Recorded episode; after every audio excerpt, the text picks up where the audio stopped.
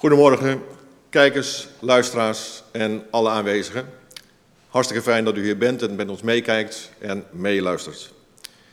Ik heb voor u heel weinig mededeling, behalve dan waar deze dienst over gaat en wie ervoor gaat. En dat is Willem Lindeman, onze predikant, die, uh, dienst, iemand zeg maar, die uh, Jolande zeg maar, waarneemt in deze dienst. Um, toetsenist is Ben, van harte welkom. De het thema van deze dienst is: met dat wat er is, wordt delen vermenigvuldigen.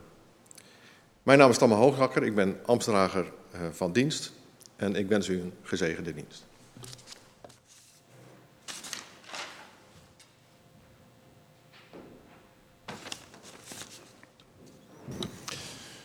Ik zou willen beginnen met het eh, verhaal van de schilder. Er was dus een schilder die eh, bezig was met een prachtige schilderij. Het was ook een schilder met naam, had een behoorlijke status. En op een gegeven moment was de schilderij bijna af. En toen dacht hij, ik heb nog één iemand nodig om mijn schilderij te verder volmaken. Dus hij gaat zijn uh, huis uit, hij gaat de straat op en uiteindelijk komt hij bij de persoon die hij nodig heeft. En de persoon is een zwerver. En die zit daar tegen de muur aan met een hondje erbij en uh, een bakje waar je het geld in kan gooien. Dat beeld hebben wij allemaal wel eens gezien. En hij spreekt die zwerver aan en de zwerver schrikt in eerste instantie.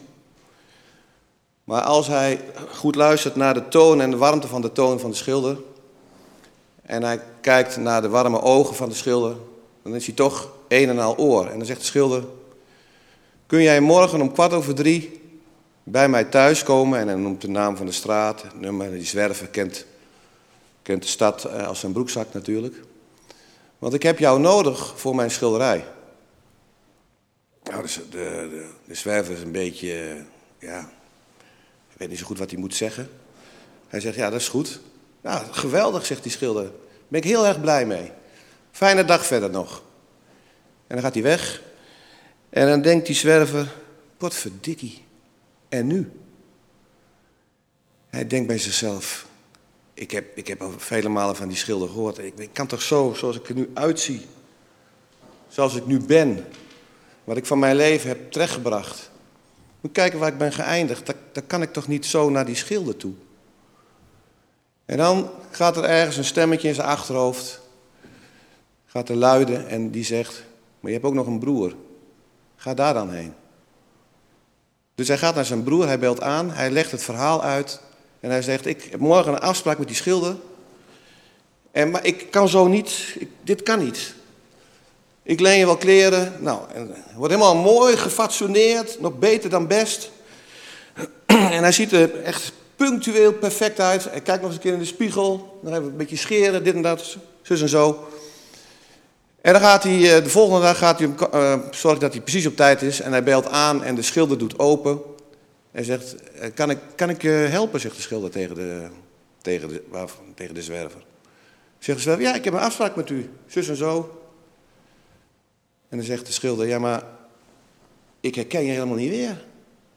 De kern van wie jij bent, waar, waar ik wat mee wilde doen, dat, dat herken ik helemaal niet. Ik mis, ik mis degene die, die net voor mij, eh, gisteren voor mij stond. En dan gaat de zwerver teleurgesteld, gaat hij weer weg.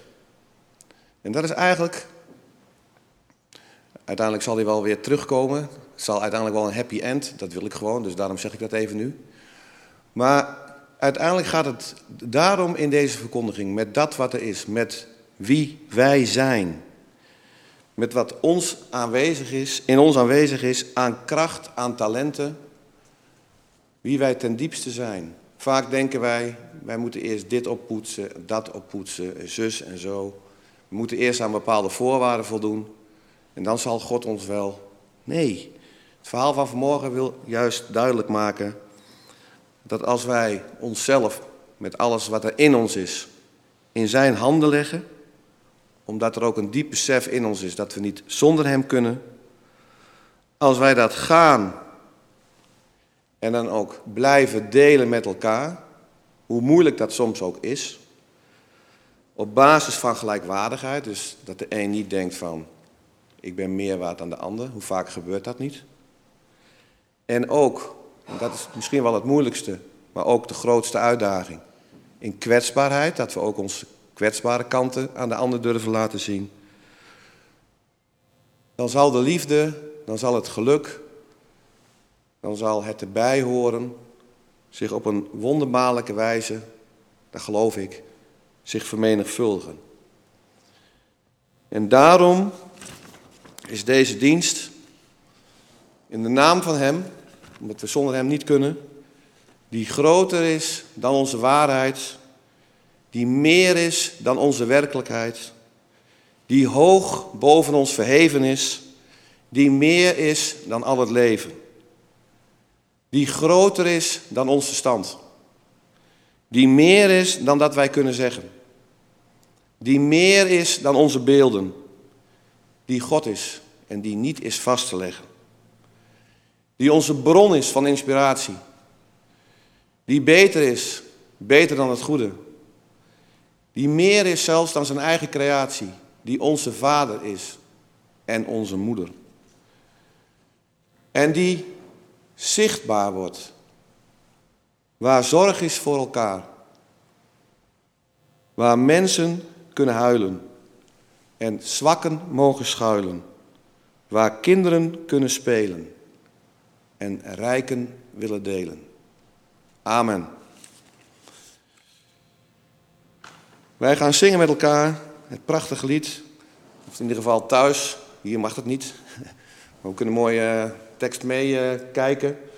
Zolang er mensen zijn op aarde en het mooie van dit lied vind ik dat God zich in dit lied verbindt met ons. Dat is fantastisch. Zolang er mensen zijn op aarde.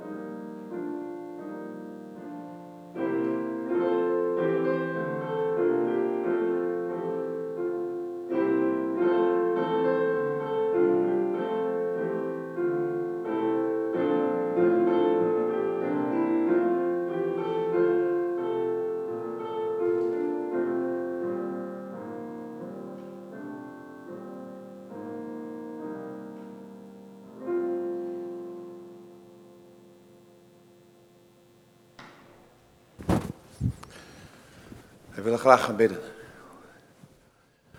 Heer, wij danken u dat wij op deze wijze, hoe moeilijk soms ook, toch nog steeds de vrijheid hebben om uw naam te zoeken, om openlijk van u te getuigen en om ook naar elkaar om te kijken, dat dat nog steeds mogelijk is, Heer. Heer, en wij danken u dat u, die de wereld dacht en zij waren, zo groot bent u, dat u naar ons toe bent gekomen, ons naar ons neerbuigt, zeg maar, naast ons gaat staan, als mens, door Jezus Christus. En dat u ons enorm goed aanvoelt in de dingen die ons ja, vrij goed afgaan, makkelijk afgaan misschien wel, maar ook de dingen waar we, ja, waar we het gewoon hartstikke moeilijk mee hebben. En u weet dat omdat u dat zelf ook allemaal hebt meegemaakt toen u bij ons was, onder ons was. En dat is eigenlijk een geweldige troost. En daar willen we u heel hartelijk voor bedanken. Heer, en uit die kwetsbaarheid, in die kwetsbaarheid, dat delen met elkaar, dat alle gevoelens er mogen zijn, daar schuilt ook een enorme kracht in. En dat is niet alleen onze eigen kracht, maar dat is een kracht die boven ons verheven is. Die ons overstijgt en tegelijkertijd een verbinding met ons wil aangaan. Wat een wonder is dat. En daar willen we u heel hartelijk voor bedanken, nogmaals. Wil ons zo een inspirerende dienst geven, want wij zijn daarin totaal afhankelijk van u. Heer, dit bid ik u om Jezus wil. Amen.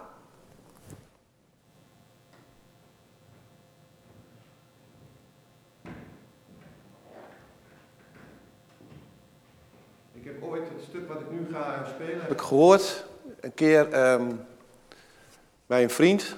Die had die cd gekocht. Toen hoorde ik dat nummer en ehm, ik werd helemaal rustig. En ik ondervond daar heel veel troost uit, met het nummer. En, toen daar, en op een gegeven moment dacht ik, nu wordt het tijd dat ik het een keer ook laat horen, delen met jullie.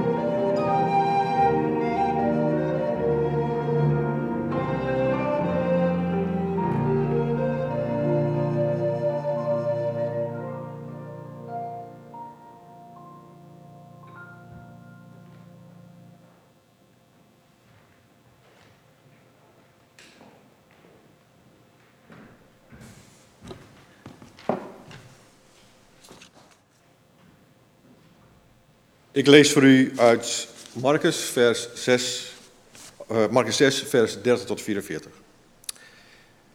De apostelen kwamen weer terug bij Jezus en vertelden hem over alles wat ze gedaan hadden en wat ze de mensen onderwezen hadden. Hij zei tegen hen, ga nu maar naar een eenzame plaats om alleen te zijn en een tijdje uit te rusten. Want het was een voortdurend komen en gaan van mensen, zodat ze zelfs niet de kans kregen om te eten. Ze voeren met de boot naar een afgelegen plaats om daar alleen te kunnen zijn.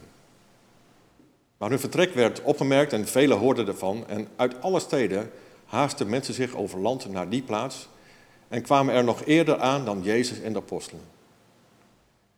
Toen hij uit de boot stapte, zag hij een grote menigte en voelde medelijden met hen, omdat ze leken op schapen zonder herder en hij onderwees hen langdurig. Toen er al veel tijd was verstreken, kwamen zijn leerlingen naar hem toe en zeiden: Dit is een afgelegen plaats en het is al laat. Stuur hen weg, dan kunnen ze naar de dorpen en gehuchten in de omtrek gaan om eten te kopen. Maar hij zei: Geef jullie hun maar te eten. Ze vroegen hem: Moeten wij dan voor 200 denari brood gaan kopen om hun eten te geven? Toen zei hij: Hoeveel broden hebben jullie bij je? Ga eens kijken. En nadat ze waren gaan kijken wat ze bij zich hadden, zeiden ze vijf en twee vissen. Hij zei tegen hen dat ze de mensen opdracht moesten geven om in groepen in een groene gras te gaan zitten. Ze gingen zitten in groepen van honderd en groepen van vijftig. Hij nam de vijf broden en de twee vissen, keek omhoog naar de hemel, sprak het zegengebed uit, brak de broden en gaf ze aan zijn leerlingen om ze aan de menigte uit te delen. Ook de twee vissen verdeelde hij onder allen die er waren. Iedereen at en werd verzadigd. Ze hadden de overgebleven stukken brood op, waar wat twaalf mannen mee konden worden gevuld. En ook wat er over was van de vissen. Vijfduizend mensen hadden van de broden gegeten.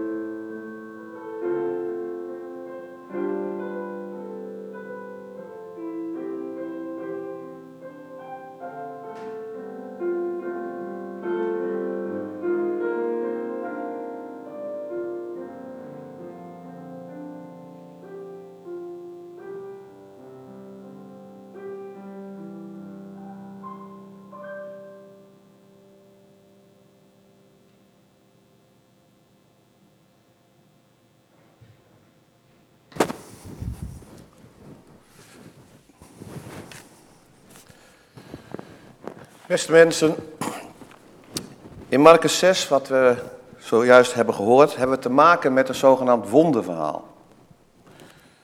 En er zijn er heel veel mensen die dat soort verhalen verwijzen naar het rijk der fabelen. Dus, die verhalen staan er wel, maar ze zijn niet echt, want het kan niet. Dus kan ik er ook niks mee. Want ik kijk met de bril van de wetenschap. Geloof en wetenschap. Geloof en wetenschap stonden voor een rivier terwijl het 15 graden onder nul was. Dat is ijs, zei de wetenschapper, omdat dat bevroren water is. Dat is ook ijs, zei het geloof, omdat ik er overheen kan lopen. Toen zei een stem, zie het als één werkelijkheid met twee talen. Eén werkelijkheid met twee talen. Eén taal voor de wetenschap en één taal voor het geloof. Je zou kunnen zeggen, één taal voor de precisie van de uitvinding. Heel mooi. Voor de precisie van de ontdekking. En één taal voor de schoonheid van de troost. Mooi, zei de wetenschap. Het leven is door toeval beslist. Een soort schitterend per ongeluk. Mooi, zei het geloof. Ik geloof dat een hoger creatief brein het leven heeft uitgedacht. Een soort schitterend met voorbedachte raden. Toen zei een persoon, goh, het lijkt allebei, wel een beetje op geloof. Maar goed, ik kies nu voor de taal van het geloof. Niet dat dat beter is of zo, nee, daar kies ik nu gewoon voor. En kijk vanuit die bril naar het verhaal van de wonderbare spijziging. En ik vraag mij af, wat kan ik ermee? Gaan we naar het verhaal. En het verhaal begint bij de discipelen. Ze hebben keihard gewerkt, ze zijn behoorlijk moe, zijn heel erg aan rust toe. En ze komen bij Jezus, staat er zo mooi, en ze vertellen hem alles wat ze beleefd hebben. En dan staat er dat hij luistert, en daar kun je zomaar overheen lezen. Het zijn, er zijn twee woordjes. Hij luistert. Dat is gigantisch belangrijk, vind ik. Als ik je vraag naar mij te luisteren en jij begint direct mij adviezen te geven, dan doe je niet wat ik je vraag. Als ik je vraag naar mij te luisteren en jij begint mij te vertellen waarom ik iets niet moet voelen zoals ik het voel, dan neem je mijn gevoelens niet serieus. Als ik je vraag naar mij te luisteren en jij denkt, hoe goed bedoeld ook, dat jij direct iets moet doen om mijn problemen op te lossen, dan laat je mij hoe vreemd het ook klinkt, en je bedoelt het ook niet zo, maar dan laat je mij in de steek. Dus alsjeblieft, luister nog even naar me. Probeer me te begrijpen. En als je wilt praten, wacht dan even. En ik beloof je dat ik op mijn beurt naar jou zal luisteren. Jezus luistert. Maar rondom hem is het een drukte van belang. Het wordt op een gegeven moment zo erg dat ze zelfs geen tijd hebben om te eten. En daarom zegt Jezus, laten we naar een eenzame plek gaan. Kunnen we een beetje uitrusten, een beetje tot onszelf komen. En dan gaan ze in het schip, staat er. En dan varen ze naar een eenzame plaats. Hoe heerlijk is dat? Dat herkennen we zelf allemaal, denk ik wel. Maar ja, soms lopen de dingen anders dan je verwacht had. Het leven is grillig. Want de mensenmassa die net naar Jezus heeft geluisterd, die neemt daar geen genoegen mee. Want Jezus heeft kennelijk zo'n indruk op hen gemaakt. Dat, ze, dat willen ze nog vasthouden. Ze willen nog veel langer bij hem blijven. Ze hebben er helemaal geen boodschap aan dat Jezus behoefte heeft en de discipelen aan rust. Want ze proeven bij hem iets wat ze bij anderen kennelijk nog niet hebben kunnen vinden. En dan beschrijft Marcus op een geweldige, diepe, zeer emotionele wijze de reactie van Jezus. Want er staat, als Jezus de scharen ziet, de mensenmassa ziet, dan wordt hij met ontferming bewogen. En waarom? Omdat zij zijn als schapen die geen herder hebben, staat er. Een schapen zonder herder, het is een bekende oud-testamentische uitdrukking. Bijvoorbeeld in Ezekiel 34, vers 5, daar staat... Zij raken verstrooid omdat er geen herder is. En dan gooit hij er nog een schepje bovenop. En dan worden ze tot voedsel voor het ongedierte in het veld. Schapen zonder herder, waar Jezus zo door geraakt wordt. Daar zit iets in van een beetje doelloos rondzwerven door allerlei mogelijke oorzaken en hoe begrijpelijk ook hè, trouwens. Niet meer weten waarom je leeft en waarvoor. Op een gegeven moment. Het leven beschouwen misschien wel als een ongelooflijke, ingewikkelde manier om uiteindelijk weer te moeten sterven. Afgeknapt zijn op allerlei ideologieën en religies en systemen die het niet waargemaakt hebben. Die een visie hebben waarbij de menselijkheid uit het oog verloren is. Door systemen die helemaal dichtgetimmerd zijn. Waardoor zij lekker zijn ingedekt. En ook nergens meer op aangesproken kunnen worden. Ja.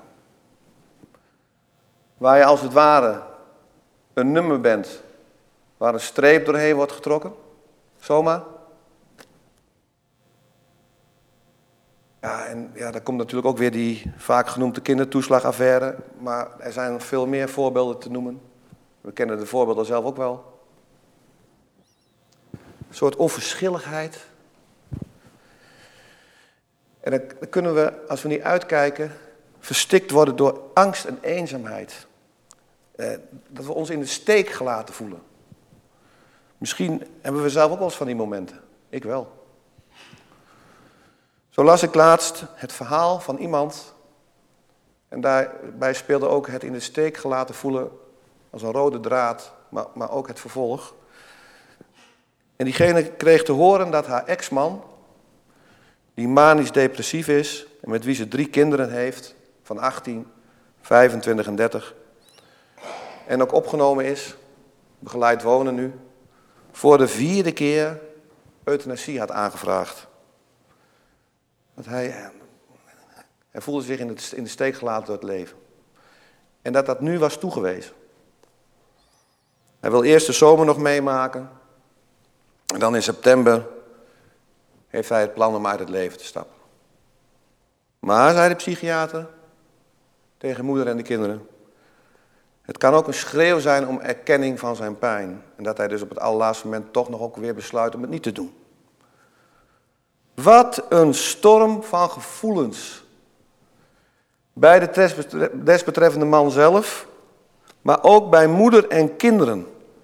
Wat een emoties, allemaal door elkaar heen, als een, als een, als een golf. Dat je niet meer weet waar je het zoeken moet. Schuld, boosheid, verdriet, onbegrip.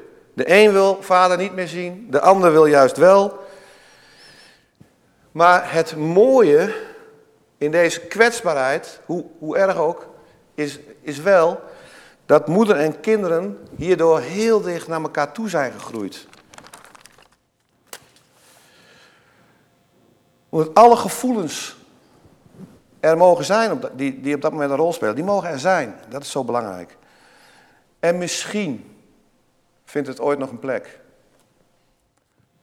Of misschien door te accepteren dat er geen plek is voor dit soort dingen.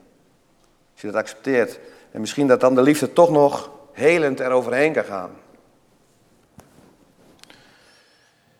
Dit is maar één voorbeeld. En ik stel me zo voor dat uh, als Jezus dat dan, die, die mensenmassa ziet, ziet hij al die mensen. Maar hij ziet ze ook individueel. Hij, hij voelt dat allemaal. Al die verhalen van al die mensen, al die emoties. En dan staat er, dan wordt hij met ontferming bewogen.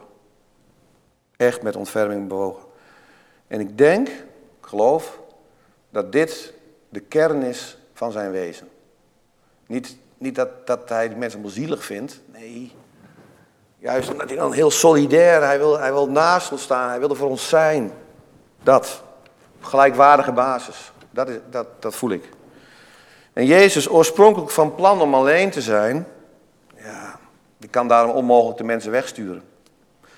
En hij begint ze een hart onder de riem te steken. Maar goed, de discipelen die willen als het laat geworden is dat hij de mensen wegstuurt. Want er moet ook nog uh, gegeten worden natuurlijk. Hè? Maar dan komt het verbluffende antwoord van Jezus. Ga eens kijken wat er is. Oftewel, geeft gij hun te eten. De discipelen vinden dat een onmogelijke opdracht. 5000 mensen. Dat, onmogelijk. Maar Jezus zegt, ga eerst nou eens kijken wat er is. Ga eens kijken wat er is. En dan blijken er slechts, denken de discipelen, vijf broden en twee vissen te zijn. Het is helemaal niks, denken ze, of zeggen ze ook. Als je dat afzet tegen 5000 mensen. Het is een druppel op een gloeiende plaat. Het is een gebed zonder eind. Hou maar op, we gaan naar huis. Maar Jezus gaat met dat wat er is aan het werk. En dat vind ik, vind ik echt een geweldige, geweldige gedachte. Jezus gaat met dat wat er is aan het werk. Wat niets voorstelt in de ogen van de discipelen, is voor hem belangrijk. En dan neemt hij, staat er in een andere vertaling, dat wat er is in zijn handen. Wat van ons is, neemt hij in zijn handen. Hij ziet op naar de hemel, hij maakt een verbinding. Spreekt de zegen. Breekt de broden, geeft dat aan de discipelen, hij deelt en verdeelt zelf de vissen. En dan staat er in het verhaal, dan blijkt dat alle mensen verzadigd raken. Sterker nog, er zijn zelfs nog twaalf mannen met brokken over. Welke betekenis kunnen wij nu aan dit verhaal ontlenen? Hoe kunnen wij dit verhaal nu gebruiken als ijs om overheen te lopen? Als een soort onderdeel van ons fundament in God. Wat bij mij boven komt is het volgende. Als wij met dat wat er is in een ieder van ons, als wij dat gaan of blijven delen met elkaar op basis van gelijkwaardigheid en ook in kwetsbaarheid als ons dat lukt. En als, als ons dat even niet lukt, is het ook niet erg. Dan zal de liefde dan zal het geluk, dan zal ook het gevoel van hier hoor ik bij, dat zal zich vermenigvuldigen. Daar ben ik van overtuigd. En wat is dat dan wat bij ons aanwezig is? Wat zou dat dan kunnen zijn? Nou, je karakter natuurlijk, je persoonlijkheid. Dat, dat ene stukje brood, hè? dat ene stukje vis. Dat kan, een, dat, kan, dat kan een glimlach zijn. Het kan een, blik zijn van erkenning. Het kan een luisterend oor zijn. Een compliment. Een kaartje. Een appje. Een bloemetje voor moederdag. Een bezoekje. Of bijvoorbeeld, er moet iets geklust worden. En dan zeg je van, uh, als je het zelf niet goed kunt, zoals ik, twee linkerhanden. Dan zeg je, je moet, je moet daar, daarvoor moet je bij hem of haar zijn. Die is daar goed in. Maar ook dat je, en sommigen die kunnen dat, uh, zijn daar meer geschikt voor dan anderen, dat je op de barricades gaat. Ik vind dat zelf wat moeilijker, ik ben meer een, een harmoniefiguur, maar er zijn ook mensen die gaan op de barricades als het om onrecht gaat. En terecht. Het zijn allemaal misschien kleine dingen, maar met een geweldige uitwerking. Je krijgt dan een soort sneeuwbaleffect. Geloof en vertrouwen is daar wel voor nodig. Want ik heb een keer uh, een kinderboekje geschreven, zeg maar. En dat heb ik bij een uitgeverij. Ik was zelf heel enthousiast. Dit gaat het worden. En toen werd het afgewezen. Toen las ik ook nog dat Carrie Slee ook 30 keer iets heeft uh, ingediend voordat ze beroemd werd. Maar ik, na de tweede keer haakte ik al af. Ja, er waren twaalf manden over. overvloed, kracht, power. Misschien te proeven in de volgende woorden. Mijn vriend, mijn vriendin. Wat ben ik blij dat jij er bent. Jij proeft de binnenkant van mijn bestaan. Mijn vriend, de warmte van jouw compliment. Het woord dat niet gezegd is, wordt verstaan. Verbonden in en door het leven. Kwetsbaar in het diepste zijn. De tranen in de lach verweven. Gebroken door en solidair in jouw pijn en mijn pijn. God, zo te staan in uw kracht, het wonder van het leven in de nacht. Er wordt geklopt. Ja, roep ik. De deur gaat open. Een klein mannetje komt binnen, tweeënhalve bloempot hoog. Ik ben de kleine dood, zegt hij. En ineens barst hij in tranen uit. Nu had ik kunnen zeggen, hou op met die flauwekul, wees flink.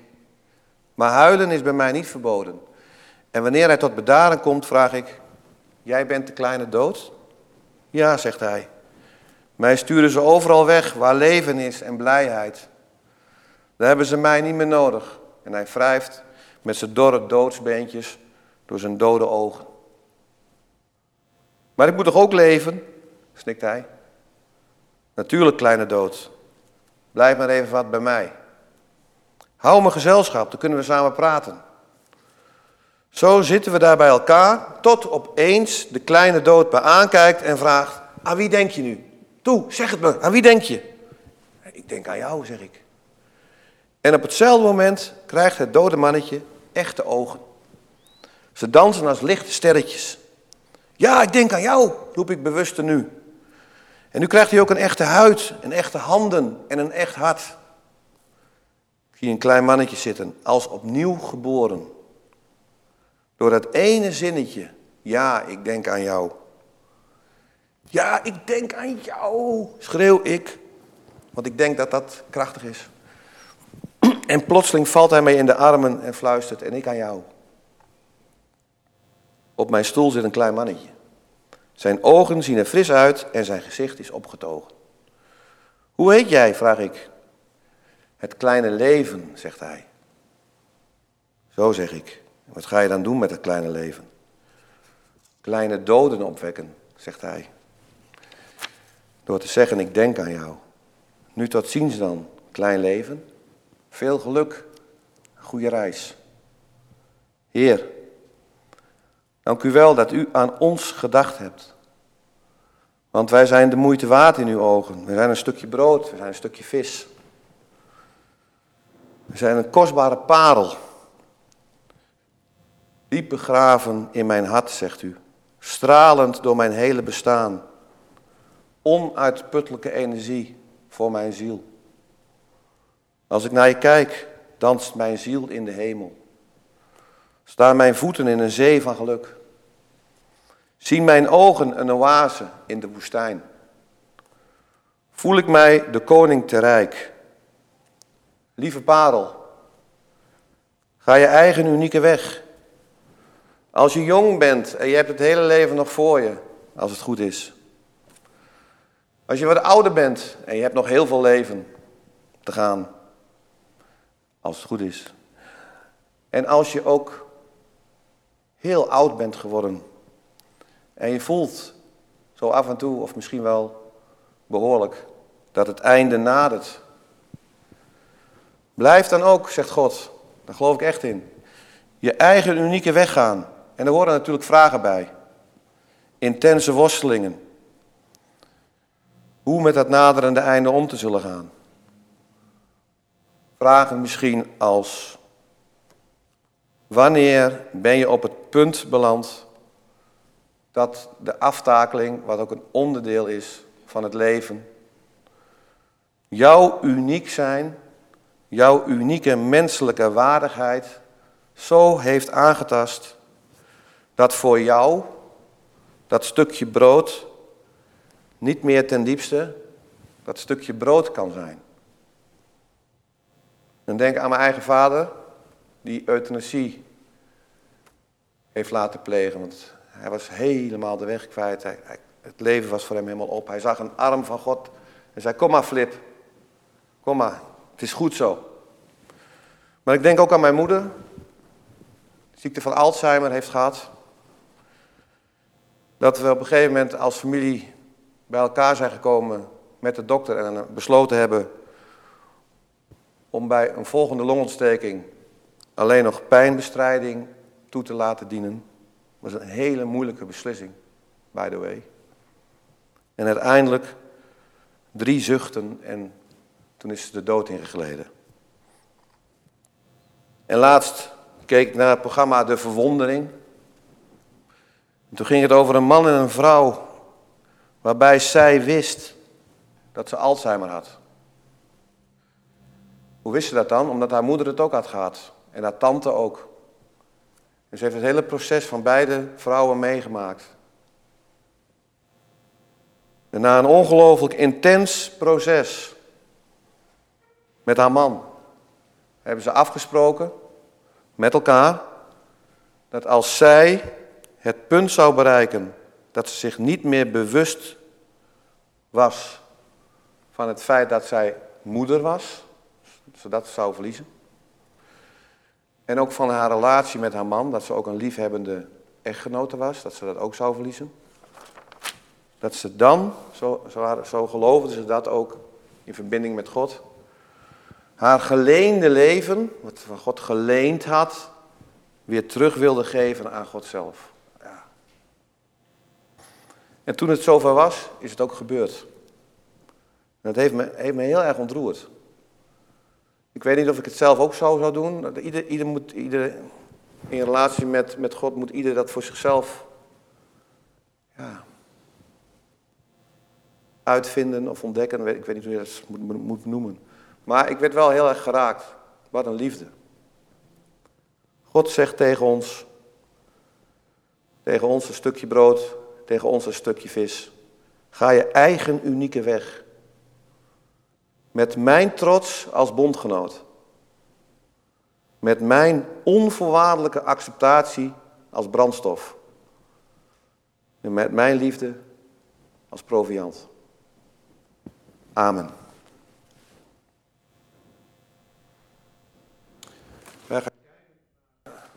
Prachtig lied.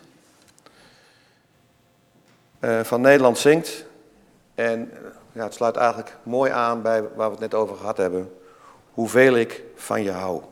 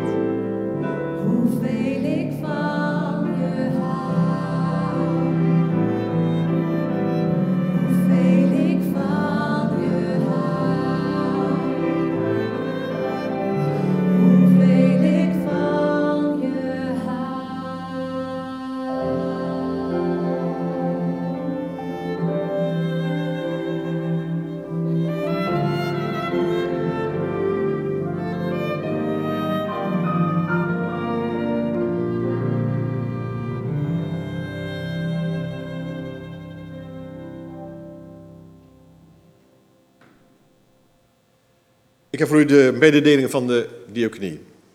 Het gaat natuurlijk over de mooie bloemen hier achter me staan. Die gaan deze week naar de heer Auwerkerk aan de Gilderdreef ter bemoediging. En eerder deze week is er ook een bos bloemen gebracht naar mevrouw van Veen aan de Bellefleur, ook ter bemoediging. Er zijn vandaag twee collectes. De eerste is voor Kerk en Actie en de tweede voor het Algemeen Kerkenwerk. En het is goed om te vertellen over Kerk en Actie. Dat gaat vandaag specifiek over noodhulp aan Libanon en Jordanië. Het heet Lichtpuntjes voor Syrische vluchtelingen. U krijgt straks een video te zien van Wilma Wolswinkel. Zij is relatieheerder voor het Midden-Oosten. En zij legt uit waarom de hulp van kerk en actie verschoven is van noodhulp naar ondersteuning.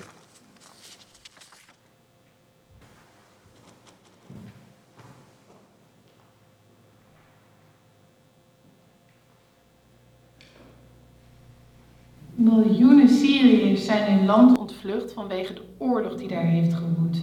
Ze zijn terechtgekomen in de buurlanden Irak, Jordanië en Libanon. Ondanks de armoede proberen ze daar een nieuw bestaan op te bouwen. En uh, wij als Kijk in Actie ondersteunen hen daarbij.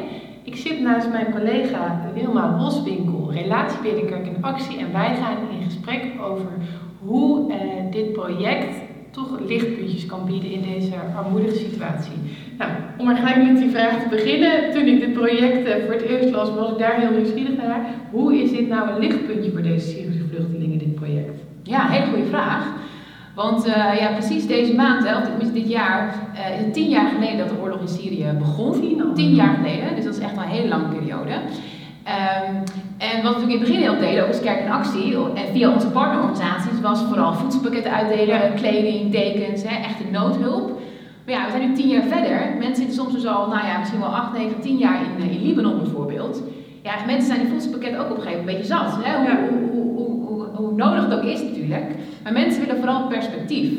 Nou, en hoe krijg je perspectief? Nou, door ook gewoon de mogelijkheid te hebben om zelf je geld te verdienen. Ja. Uh, dus um, wat we proberen te ondersteunen uh, met ons, via onze partners zijn dus projecten die mensen weer helpen aan een baan. Uh, bijvoorbeeld door ze een training te geven, maar ook te helpen bij het opzetten van een eigen bedrijfje.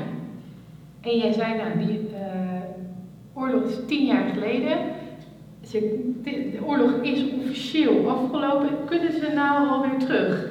Ja, nou officieel is het natuurlijk niet afgelopen. We zitten nog steeds in een, in een conflict situatie. Ja. Uh, wat je ziet is dat op bepaalde plekken in, in Syrië is het rustig, is er geen oorlog, geen geweld. Uh, op andere plekken natuurlijk weer wel. Dus het is zeker nog niet voorbij. Maar wat je vooral ziet op de plekken waar het dus nu rustig is, dat mensen toch ervoor kiezen om weer terug te keren. Dat zijn dan met name mensen die dan binnen Syrië zijn gevlucht naar een andere regio ja. bijvoorbeeld. Maar je zag ook al wel voor corona dan, uh, dat ook wel weer mensen bijvoorbeeld uit Libanon of uit Jordanië terugkeerden. Of zelfs ook uit Europa. Uh, maar dat is ook weer niet heel gemakkelijk, want ja, Assad, de president, waar het allemaal mee ook begonnen is, die zit daar nog steeds. Dus als jij kritisch bent geweest naar Assad toe, ja, hoe, hoe zou het dan met je aflopen als je ja, terugkeert? Ja, Plus dat je ook een probleem hebt rondom jouw land bijvoorbeeld. Is dat nog beschikbaar? Kun je er zomaar naartoe terugkeren?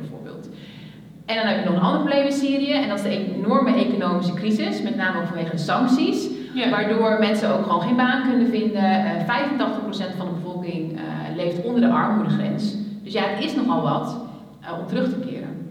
Dus als je de situatie van die vluchtelingen bekijkt, kunnen ze terugkeren naar hun land met de uitdagende economische situatie, met Assad, met het onteigende land. Of ze blijven uh, in die buurlanden. Dat is een beetje de keuze die ze hebben. Ja, en natuurlijk zijn die Beide is niet, top. is niet optimaal natuurlijk, want ook in die buurlanden, ja, eh, wat voor status heb je, wat voor perspectief heb je. Dus met name in die buurlanden proberen we ook echt mensen te helpen, ja, wat ik zei, aan een baan. Dat ja. in ieder geval zelf inkomen kunnen genereren. En net noemde je me al eventjes, we kunnen bijna niet omheen, corona. Um, hoe beïnvloedt dat eigenlijk weer die situatie van die mensen die weer hun leven aan het opbouwen zijn? Ik kan me voorstellen dat het ook alweer ingewikkelder maakt. Ja, zeker. Hoewel je natuurlijk wel ziet dat corona maar een van de vele problemen is in het Midden-Oosten. Ja. Het, is, het is ook een groot probleem en ook daar de besmettingen nemen toe en ook daar zijn lockdowns. Maar je merkt dat mensen daar ook vooral bezig zijn met ja, brood op de plank krijgen. Dat is de grootste uitdaging. Uh, dus het speelt zeker wel een rol, maar het is niet, niet de grootste uitdaging voor de meeste mensen. Oké, okay, nou dat is goed om te weten. Ik ben eigenlijk wel nieuwsgierig of jij ons ook wat voorbeelden kunt geven van hoe dat nou werkt Ja, nou toevallig was ik vorig jaar, net voor de lockdown, uh, in Amman in Jordanië en daar ontmoette ik Lara.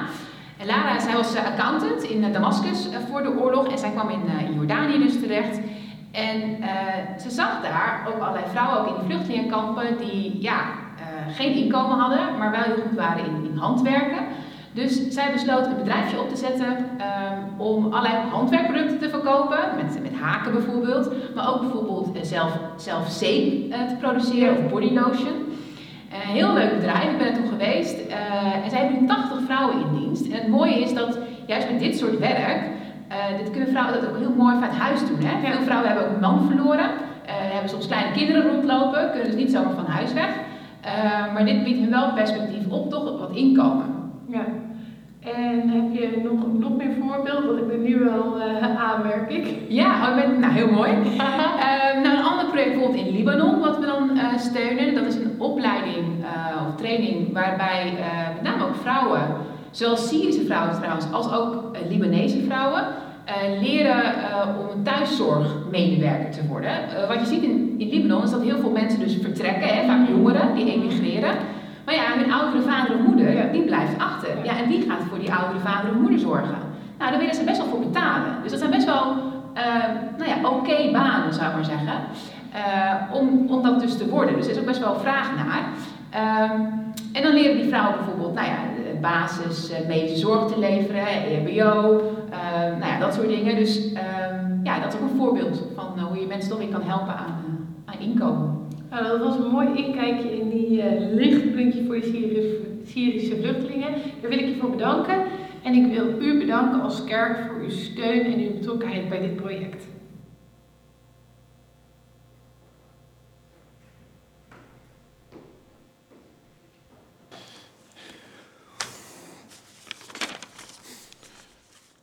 Ons bereikt het eh, volgende bericht. Dinsdag 4 mei jongsleden is op 65-jarige leeftijd Jacobien Florijn aan de gevolgen van corona overleden. Ze was een actief gemeentelid en woonde de laatste jaren in Leeuwarden. Van daaruit had ze nog heel veel contact met onze gemeente via sociale media en ook via de telefoon. Leeft ook heel erg mee. En wij zullen haar missen. Niemand leeft voor zichzelf. Niemand sterft voor zichzelf. Wij leven en sterven voor God onze Heer. Aan Hem behoren wij toe. Wij willen nu gaan danken en voorbeden doen. Ook voor de nabestaanden van Jacobien Florijn. En ook voor Wim van Dam, die morgen geopereerd zal worden aan zijn neus. Twee jaar lang heeft hij niet kunnen proeven en ruiken. En dat is best een handicap. Dus uh, wij willen hem, uh, willen dit in het gebed brengen voor onze Heer en hem ook sterkte wensen. Zullen wij samen gaan bidden. Vader in de hemel, wij danken u Heer voor deze, voor deze dienst, Heer. Heer, waarin wij weer opnieuw stil mogen staan bij wat voor geweldig, geweldige God u bent. Is eigenlijk ook gewoon eigenlijk niet in woorden te vatten. Enerzijds bent u ja, ver boven ons verheven en anderzijds staat u zo dicht bij ons. Vader, wilt u ons uw kracht geven om te beseffen hoe kostbaar wij zijn, hoe uniek wij zijn. En soms verliezen wij dat, het gevoel. Laten we maar heel eerlijk zijn. In deze krankzinnige tijd af en toe. Waarin alles is dichtgetimmerd en men maar doorrent en holt en doordraait. Waar de ontmenselijking steeds kleiner lijkt te worden. Maar dan toch ook weer, als je individuele mensen ontmoet, nog steeds heel erg aanwezig blijkt te zijn. En als je ook weer zo'n filmpje ziet van zo net hoe gedreven Heer, en, en die moed mogen wij niet verliezen. Dat, dat wilt u ons als het ware steeds weer toe. Ja, schreeuwen niet, maar wel fluisteren misschien wel. Als die stille wind die toen ook langs Elia ging. En niet in de aardbeving en ook niet in de storm. In de tederheid. Spoor ons aan, Heer. Individueel, in relatie tot een ander. En ook in relatie tot de maatschappij, in ons werk. Wat we daar allemaal tegenkomen. Steun ons. Sta naast ons. Heer, we vragen het, maar we, mogen er ook op vertrouwen. Maar nooit, maar nooit dat wij u wel eventjes voor ons karretje. Dat dan wie niet. Leer ons om ons over te geven aan u. Heer, en zo komen we tot u om voorbeden te doen. Voor Jacobien Florijn, ze was nog maar 65. Dat is toch veel te jong en dan op deze manier. Dat is gewoon verschrikkelijk. Ontfermt u zich over haar. En ook over haar nabestaanden. Geef kracht, Heer, en troost. Wij bidden u, Heer, met heel ons hart voor Wim van Dam, die morgen geopereerd zal worden aan zijn neus. En dan moet je toch altijd weer even een drempel over. Je weet dat ze veel kunnen tegenwoordig, maar toch. Heer, laat het zo zijn.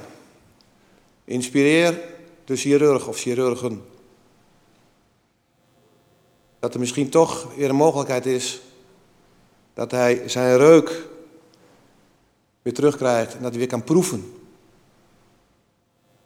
Dat is eigenlijk, eigenlijk wel heel erg belangrijk.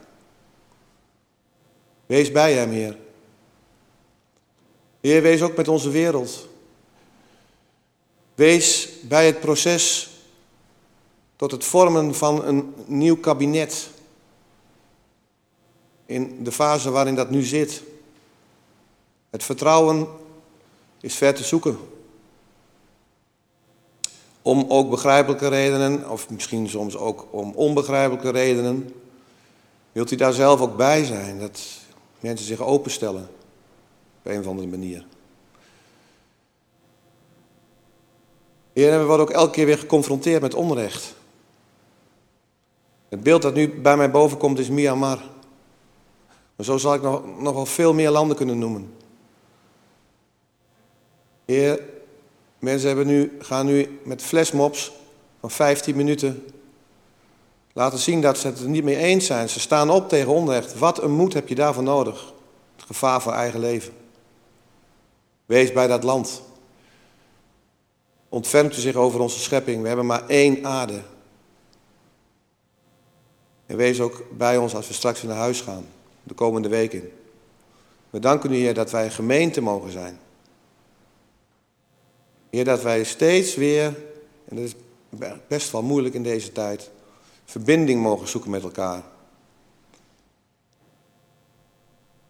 Heer, en zo komen wij tot u in het gebed dat u ons hebt geleerd. Onze Vader, die in de hemel zijt. Uw naam worden geheiligd. Uw koninkrijk komen. Uw wil geschieden op aarde zoals in de hemel. Geef ons heden ons dagelijks brood. En vergeef ons onze schulden, zoals ook wij onze schuldenaars vergeven. En leid ons niet in verzoeking, maar verlos ons van de boze. Want van u is het koninkrijk en de kracht en de heerlijkheid tot in eeuwigheid. Amen.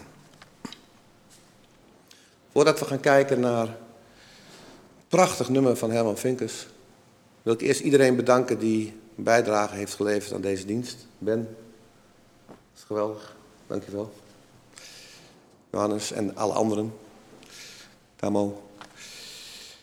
Het filmpje van Herman Vinkers heet Daarboven in de hemel.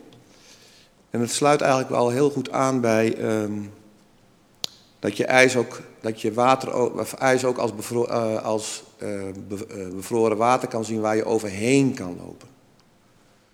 Een gegeven moment uh, wordt er dus gezegd van, ja maar dat is toch allemaal verzonnen die hemel? Wetenschappelijke vraag hè. En een antwoord vinkers, ja maar de zoveelste, ik weet niet precies hoe, hoe hij dat zegt, maar de zoveelste van Bach en de liedjes van Brel, die zijn ook verzonnen. Die zijn toch ook waar? En dat ik hier sta. Ik heb dit liedje ook verzonnen, dat is toch ook waar? Er zijn toch verschillende manieren van waar zijn? Laten we elkaar nou gewoon daarin respecteren. Zo zegt hij het dan niet, maar ik vind het een zeer ontroerend liedje. Het is uh, naar aanleiding van, ik dacht, 50 jaar uh, artiest zijn van André van Duin. Dan zie je ook op een gegeven moment uh, mensen die zijn overleden. Het is een zeer ontroerend liedje en daar gaan we nu naar kijken, daarboven in de hemel.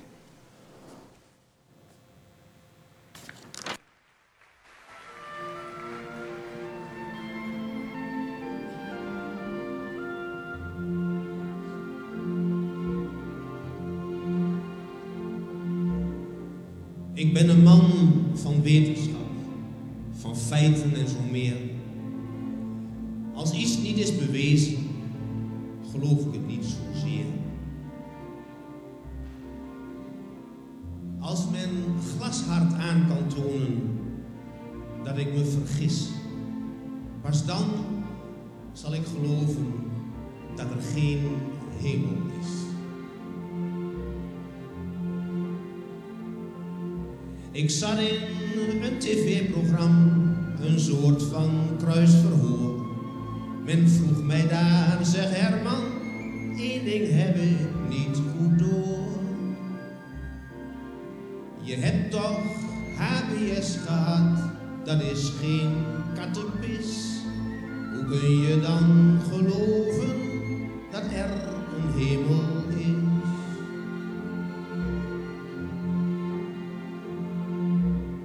In een tv-programma en ging nog verder mis. Er werd me haar fijn uitgelegd hoe ik me vergis. De hemel is iets achterhaalds, er wacht ons boven niets. De hemel, wees nog eerlijk,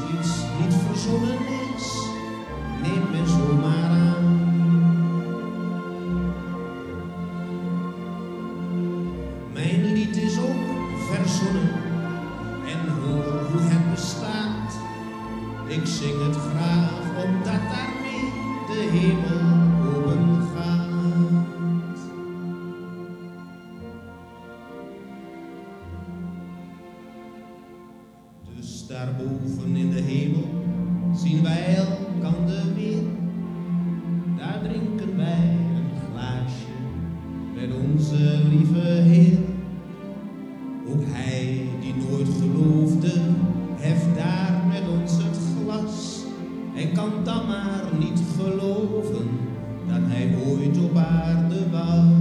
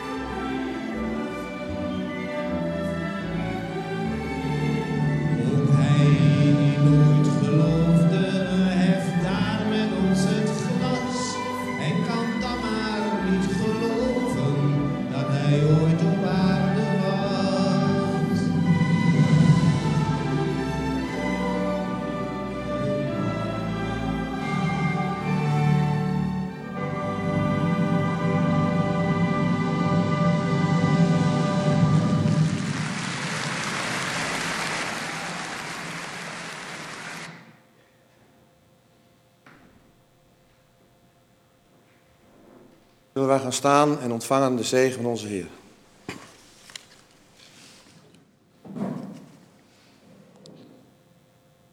De onvoorwaardelijke liefde van God onze Vader.